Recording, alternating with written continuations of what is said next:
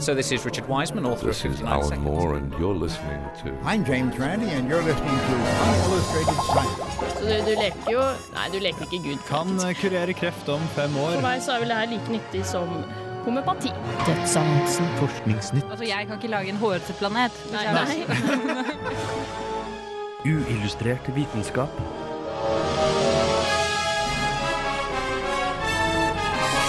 Science, it works, bitches. Kan vi forandre uønsket atferd med kjemi?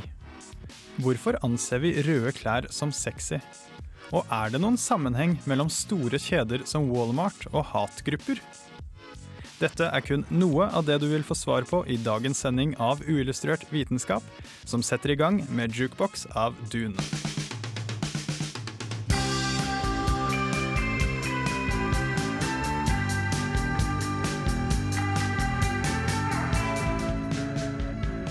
Du lytter til uillustrert vitenskap her på Radio Revolt. Vi er Radio Revolts populærvitenskapelig magasin. Mitt navn er Ola Eivind Sigrud, og med meg i dag så har jeg Sønn i Islam. Hei, hei. Og eh, Jeanette er fortsatt eh, bortreist. Hun kommer forhåpentlig tilbake neste uke, kanskje? Jeg lurer på om hun sitter igjen i tollen i Singapore grunnet snus. Ja. Kanskje det? Kanskje. Nå, Nei, er, det, er det dødsstraff i Singapore for snus? Nei, det vet jeg ikke, men det er sikkert noen bøter. Hvis du kaster den fra deg på gaten. For å håpe det er bøter, ikke dødsstraff. Eh, I dag så har vi fryktelig mye forskjellig å by på. Jeg har eh, tatt for meg Forskningsnytt, som jeg har gjort de siste ukene, og kommer til å snakke litt om stolthet og fordom, litt om actionhelter, og så litt om utenomjordiske sandstormer. Hørte òg noen rykter om fargen rød. Ja, fargen rød kommer vi også til å eh, ta opp eh, i sendingen. Det blir litt senere, ikke som forskningsnyhet. Selv om det er en forskningsnyhet det òg, for så vidt. Absolutt. Eh, Du har lagd en gjettekonkurranse for oss. Ja, jeg er blitt veldig glad i disse gjettekonkurransene. Det her er vel andre. Jeg holdt på å si svaret da, men jeg tror jeg skal unngå det. Ja, unngå å si svaret. Ja. Ja. Og så har du jo også sett på mulighet for å ja, forandre atferd med kjemi. Ja, fordi det er eh, flere land i Europa nå som prøver å gjøre dette, og det er jo ikke så veldig positivt, for vi vil jo gjerne la folk være dem de er. Ja, det sier i hvert fall jeg. Det blir hovedtema i dag, eller første tema opp i hvert fall, eh, etter vi har fått høre Samantha Martin and The Haggard med Fire and Brimstone.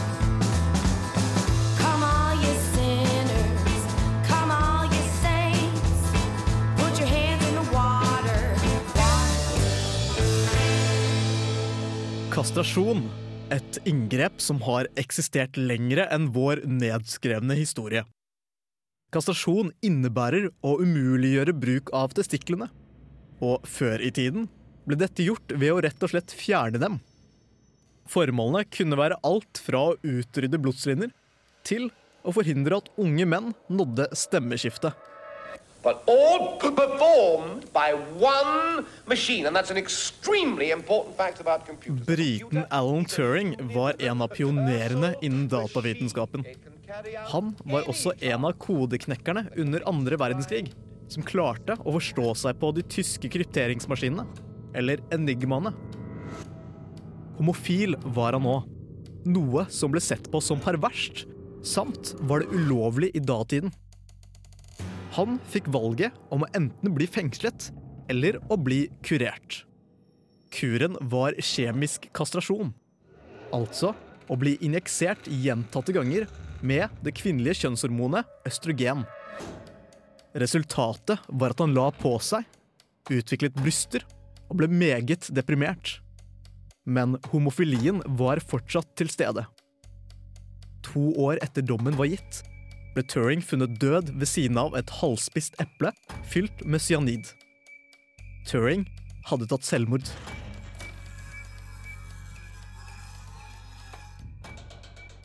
Dommen mot Turing ble felt i 1952. Og du synes kanskje at straffemetoden høres ut som om den tilhører den mørke middelalder. Men tro om igjen. MPs have adopted in the first reading a law introducing harsher punishments for convicted paedophiles. Child abusers could face up to 20 years in prison or chemical castration in case the bill is passed. It comes amid figures showing that Kjemisk kastrasjon er ikke bare en straff som utøves i dag, men den blir til og med innført i nye land. For eksempel ble det innført som straff for pedofile i Russland og Moldova i henholdsvis oktober 2011 og mars 2012.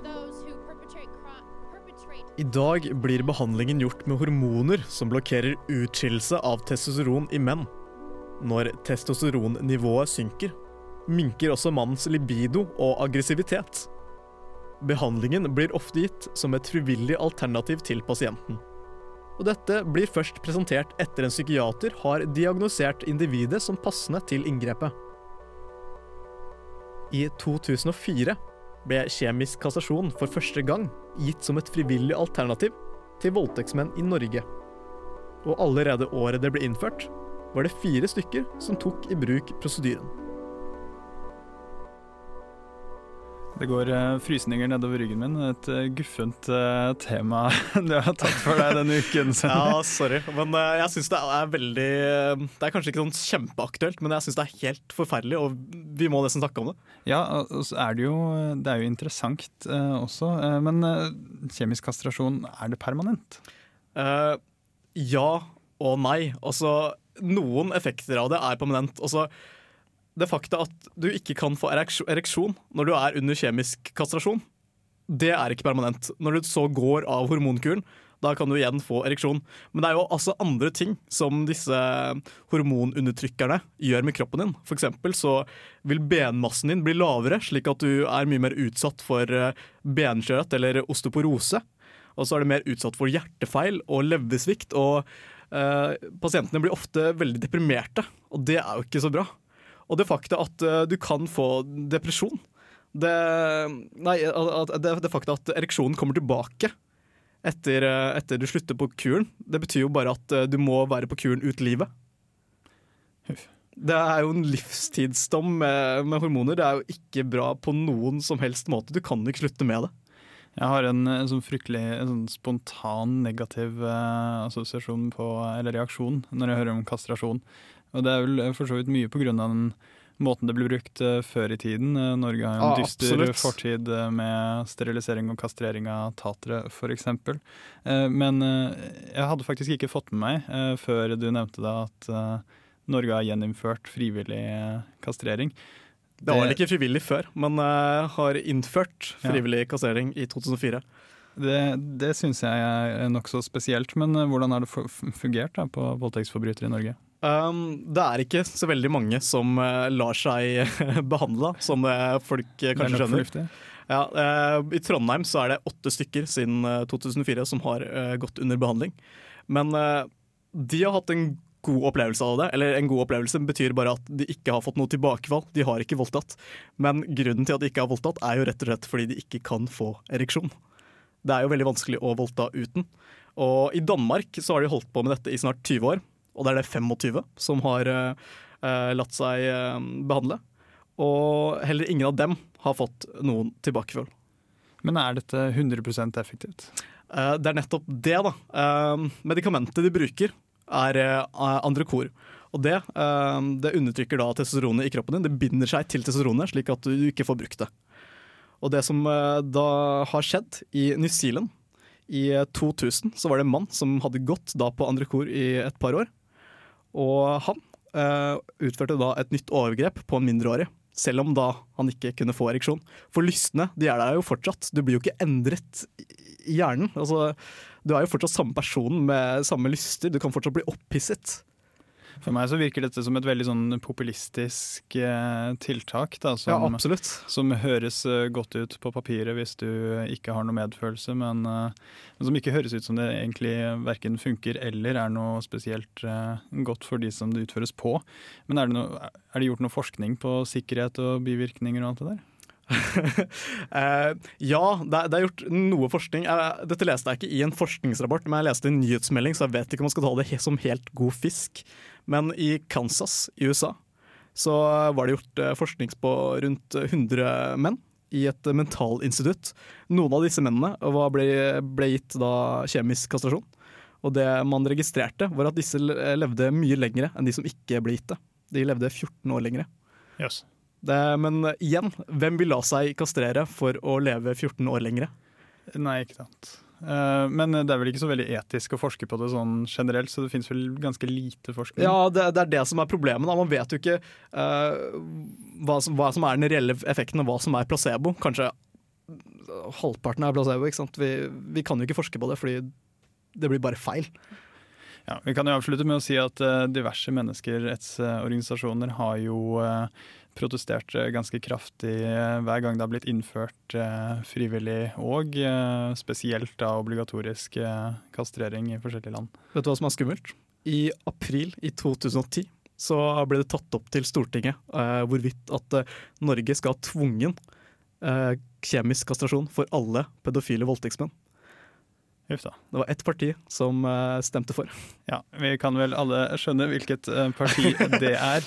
Eh, Vi skal få forskningsnyheter her i Illustrert vitenskap. Ikke fullt så skummelt og deprimerende etter vi har fått hørt Sir Michael Rocks med Out the Jam. Ain't smoking some more weed.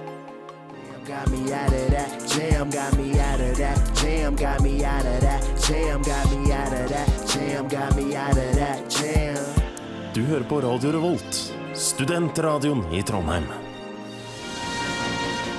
Uillustrert vitenskap presenterer Forskningsnytt.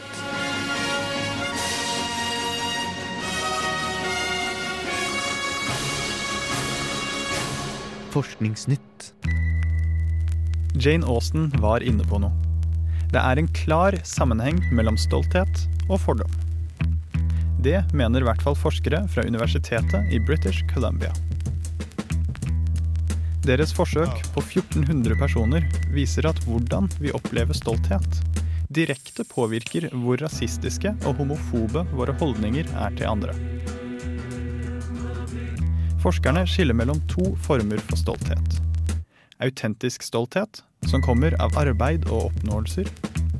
Og hybristisk stolthet, som kommer av status oppnådd ved mindre autentisk vis, som makt, dominans eller penger. Studien fant at personer tilbøyelig for hubristisk stolthet viste større grad av rasistiske holdninger, mens autentisk stolte personer var mindre rasistiske.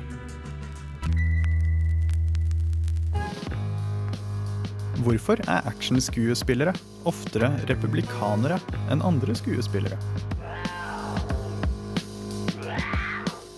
Dette blir undersøkt av Aaron Sell fra Griffith University i tidsskriftet Human Natures spesialutgave om evolusjonen av menneskelig aggresjon. Konklusjonen er at menns overkroppsstyrke påvirker både holdninger og atferd.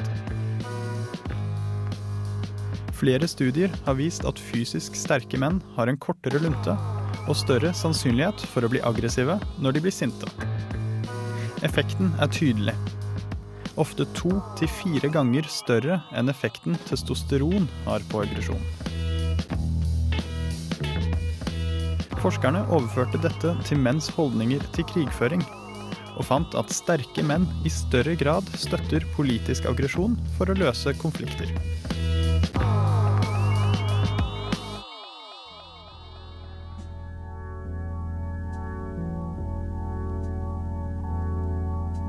Stjerner som solen vår ender sine dager med en såkalt supervind. Vinden er 100 millioner ganger sterkere enn en alminnelig solvind, foregår i 10 000 år og kaster med seg så mye som halvparten av stjernens masse. Hva som forårsaker denne vinden, har vært et mysterium. Forskere har antatt at den har bestått av bitte små støvkorn som dannes i stjernens atmosfære, og som så blir dyttet vekk av sollyset. Men dette er ingen god forklaring, da utregninger har vist at støvkornene ville fordampe før de rekker å komme tilstrekkelig langt unna. Forskere har nå oppdaget at støvkornene er langt større enn tidligere antatt, med størrelser opp til en mikrometer. Støvkorn av denne størrelsen reflekterer sollys i stedet for å absorbere det, og holder seg dermed kjølig nok til å bli kastet ut i verdensrommet. Det var eh, ukens forskningsnyheter her i eh, Uillustrert vitenskap på radio. Du nevnte, Revolt. det var en ting jeg stussa over. Du nevnte to grupper eh, med stolte mennesker. Det var Autentisk stolthet, og så var det hybristisk stolthet. Det skjønte jeg ikke. Altså, er, er jeg en autentisk stolt person? Eller er jeg en hybristisk stolt person? Akkurat ditt sinn eh, kjenner jeg ikke helt. eh, Er du en eh, autentisk stolt person? Jeg er selvfølgelig en autentisk stolt person. Nei, uh, Hybristisk stolthet er et begrep som kommer fra uh, hybris, som er kjent fra gresk mytologi. Nei, hybris skjønner jeg til. Vet. Som jo går ut på at menneskelig overmot det gikk sånn utover de grensene som gudene hadde satt for mennesket, og så måtte gudene komme og rydde opp, da gjerne, i gresk mytologi.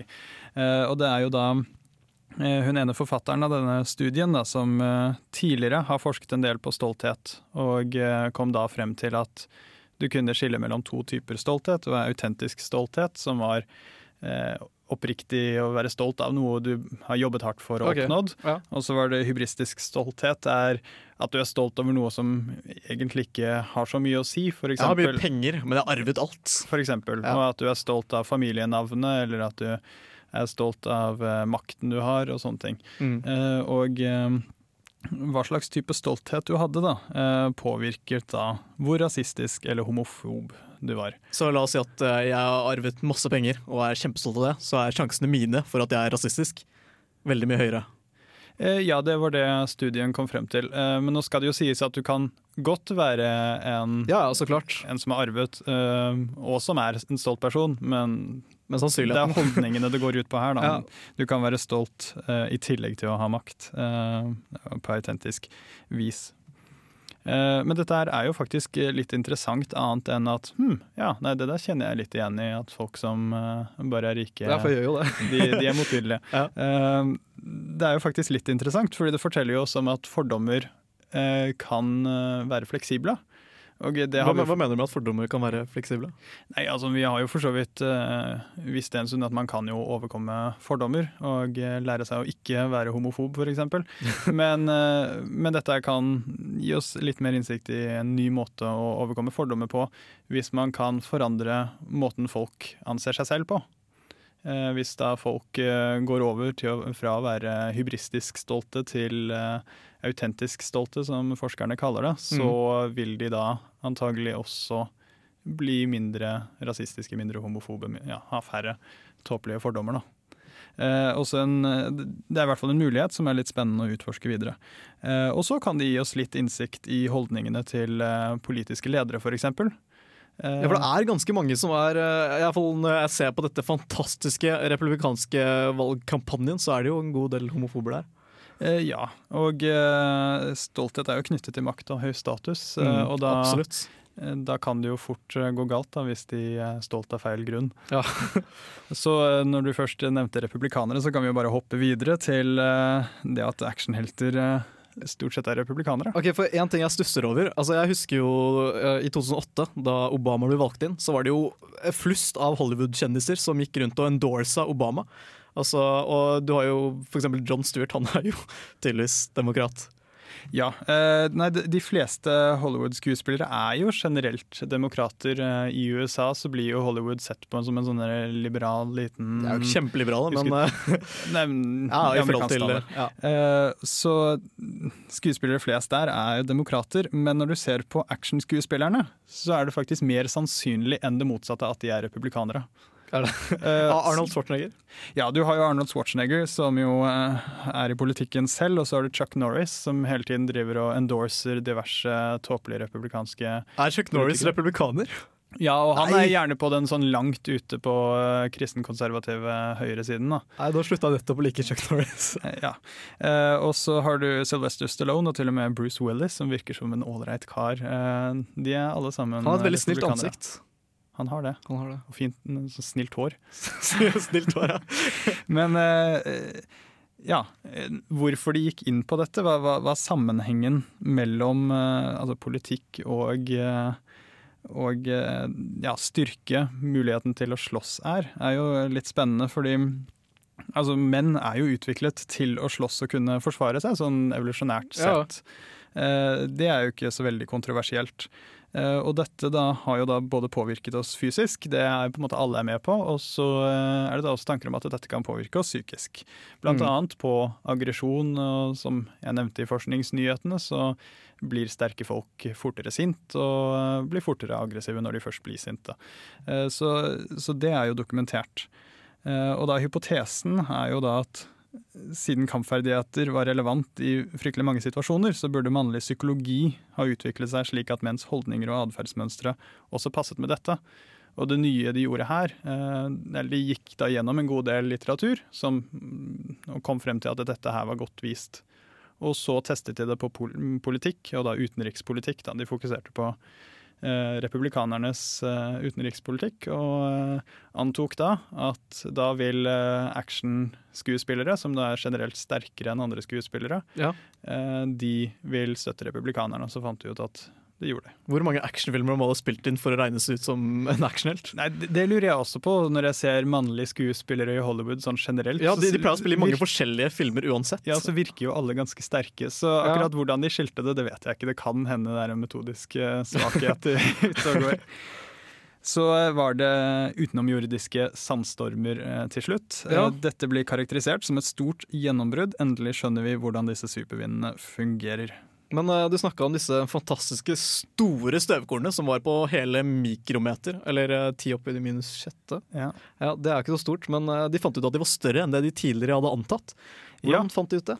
Eh, nei, de brukte The Very Large Telescope, som The befinner seg i Chile. Ok. Eh, Fysikerne og navngivning på instrumenter er alltid eh, bra. Den har en så god oppløsning at den kun, kan skille mellom frontlyktene av de to frontlyktene på en bil i Australia når teleskopet Wow, står i Storbritannia. Det høres ikke så imponerende ut når man snakker om mikrometer langt, langt unna. Nei, Men på teleskopbasis så er det fryktelig god oppløsning, og det er i hvert fall god nok oppløsning eh, til å se gass- og støvvindene som blåses av røde kjemper. Så eh, de brukte det, og det var godt nok. Kult. Og eh, så kan det jo nevnes at dette støvet er jo egentlig ganske interessant, fordi senere så samles jo det i skyer som da danner nye stjerner, og støvet blir der til byggeklossene for planeter. Også da selvsagt sammen med støvet fra supernovaer. Tror du har fått støv på hjernen, Oleiven? Ja, vi er jo alle stjernestøv, da, som Carl Sagen pleide å si. Sant. Shook up, insane, read between the lines. I left my senses.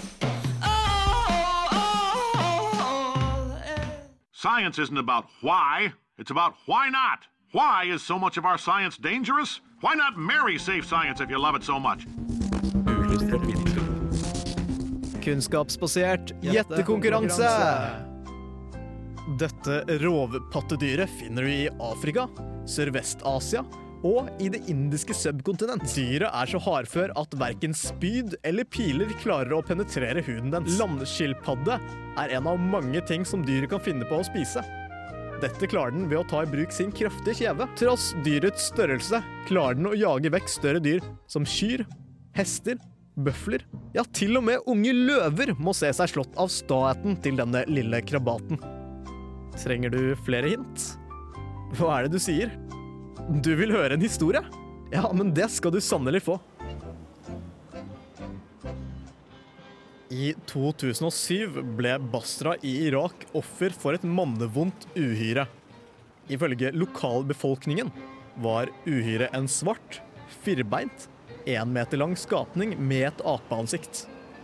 Udyret ble beskyldt for å ha angrepet bønder, deres familie og dyrene deres. Historien spredde seg raskt, og panikk brøt ut. De britiske troppene ble beskyldt for å ha sluppet dyrene løs i Basra. Dog mente de selv at dette ikke var tilfellet. I dag antar man at dyrenes kontakt med lokalbefolkningen i Basra skyldes at myrene nord for området, som tidligere ble tørrlagt av Saddam Hussein, ble irrigert. Dyrene flyktet da sørover for å unngå vannfloden. Klarer du å gjette det nå?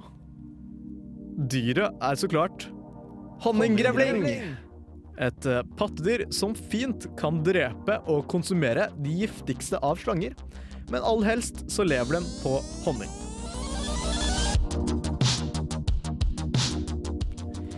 Der hadde hun en eh, kunnskapsbasert gjettekonkurranse, og det var jo selvsagt honninggrevelen. Som var én naturlig fiende.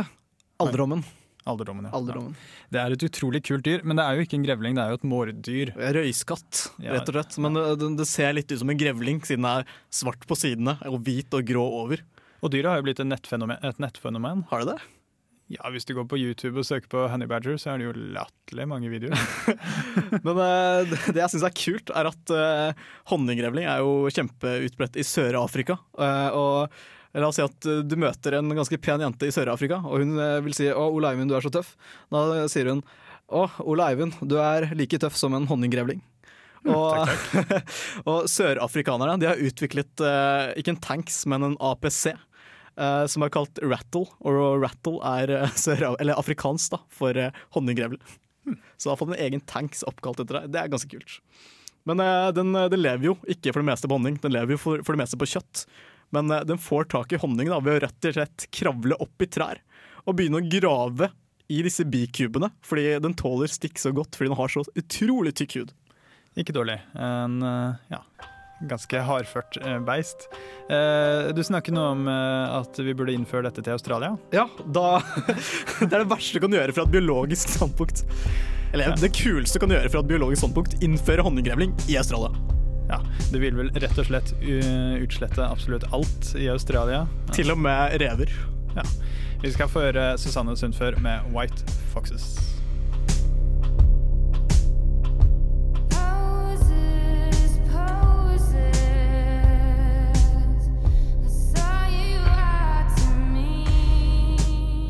Så fin rød skjorte du har på deg, Sonny. Sier du det fordi det minner deg om det kvinnelige kjønnsorgan? Nei, faktisk ikke. My gal is red hot. Your gal is red hot. Woo! My gal is red hot.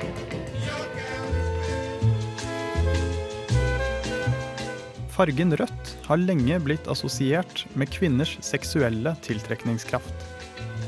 Men et nytt studie fra universitetet i Kent viser at denne assosiasjonen i hvert fall ikke finner sted i menns hjerner. En utbredt oppfattelse sier at menn er predisponert til å bli tiltrukket av fargen rødt, da det får dem til å tenke på det kvinnelige kjønnsorgan og seksuell opphisselse. For å teste dette dannet forskere 16 bilder av det kvinnelige kjønnsorgan. Fire forskjellige vulvabilder ble manipulert til å ha fire subtilt forskjellige fargenyanser, fra svakt rosa til rødt. Bildene ble deretter vist til 40 heteroseksuelle menn, som ble bedt om å vurdere hvor seksuelt tiltrekkende hver vulva var. Resultatet var at menn vurderte den rødeste fargen langt mindre attraktiv enn de tre rosa fargenyansene. Det var ingen statistisk forskjell i vurderingen av de tre rosa nyansene. Resultatet knuser myten om at rødt er tiltrekkende fordi det minner om opphissede kjønnslepper. Men hvorfor kvinnen i den røde kjolen er så heit? Det må bli tema for videre forskning.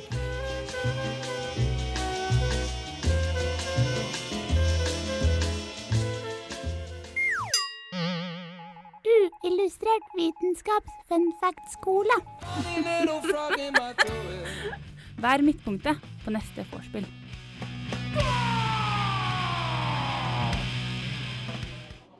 Visste du at antall Walmart-butikker i et amerikansk fylke sterkt korrelerer med antall hatgrupper i området? Nei, det visste jeg ikke. Eh, det syns jeg var kjemperart. Betyr det at eh, hvis det er mange OBS eller Smart Club-butikker i et fylke i Norge, så vil det være mange hatgrupper der? Det kan eh, godt hende. Det var jo nemlig en ny, eh, en ny studie som viste at eh, antall Walmarts var den nest mest nøyaktige faktoren for prediksjoner om antallet hatgrupper i et fylke. Var den beste prediksjonen var det antall hatgrupper som definerte antall hatgrupper? Nei, faktisk ikke. Den Ah, okay, nei, eneste faktoren som var mer nøyaktig, var om et fylke var et metropolitan statistical area, som det heter, som er et område med høy populasjonstetthet i midten, og så et tett økonomisk bånd gjennom hele området. Eh, Det var bedre til å forutsi det, men eh, det hadde større sammenheng med antall Walmarts enn faktorer som arbeidsløshet, høy kriminalitet og lav utdannelse, som tidligere har blitt eh, forbundet med antall hatgrupper. Det virker litt logisk for meg. Eller eh, fordommene mine forteller meg at det er logisk. Men jeg skjønner ikke helt hvordan forskerne forklarer sammenhengen. Nei, de hadde flere teorier. Den første var at disse store kjedene utkonkurrerte lokale småbedrifter. Og så argumenterte de da for at uh, småbedriftseiere hadde en viktig rolle i samfunnet, og de støttet gjerne opp om veldedighet og den Mm. type ting, uh, som kunne gi god moral til ungdommen. Uh, Og så eh, hadde de en annen teori om at disse kjedene er gjerne store og anonyme. Og det kan gi økt kriminalitet, da det er lettere å stjele fra en stor butikk enn en liten en der du kjenner eieren.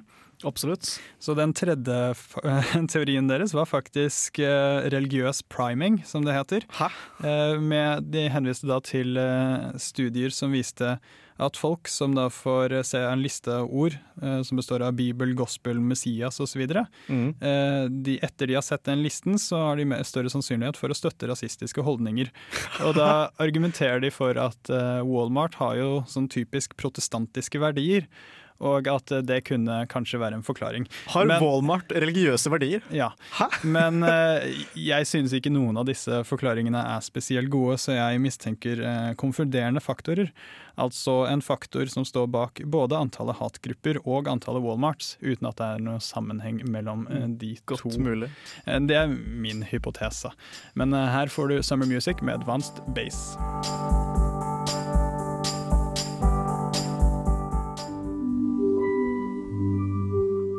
Uillustrert vitenskap er Midt-Norges eneste teknologimagasin på lokalradio. Og vi snakker om alt fra populærvitenskap til sære forskningsprosjekt ved NTNU. Radio Revolt, studentradioen i Trondheim, er stolt av å kunne presentere podkaster fra de aller mest populære programmene våre. Hvis du har lyst til å høre mer fra Radio Revolt, hvem vi er og hva slags musikk vi spiller, så kan du høre oss på FM-båndet i Trondheimsregionen, eller streame sendingene våre live på radiorevolt.no.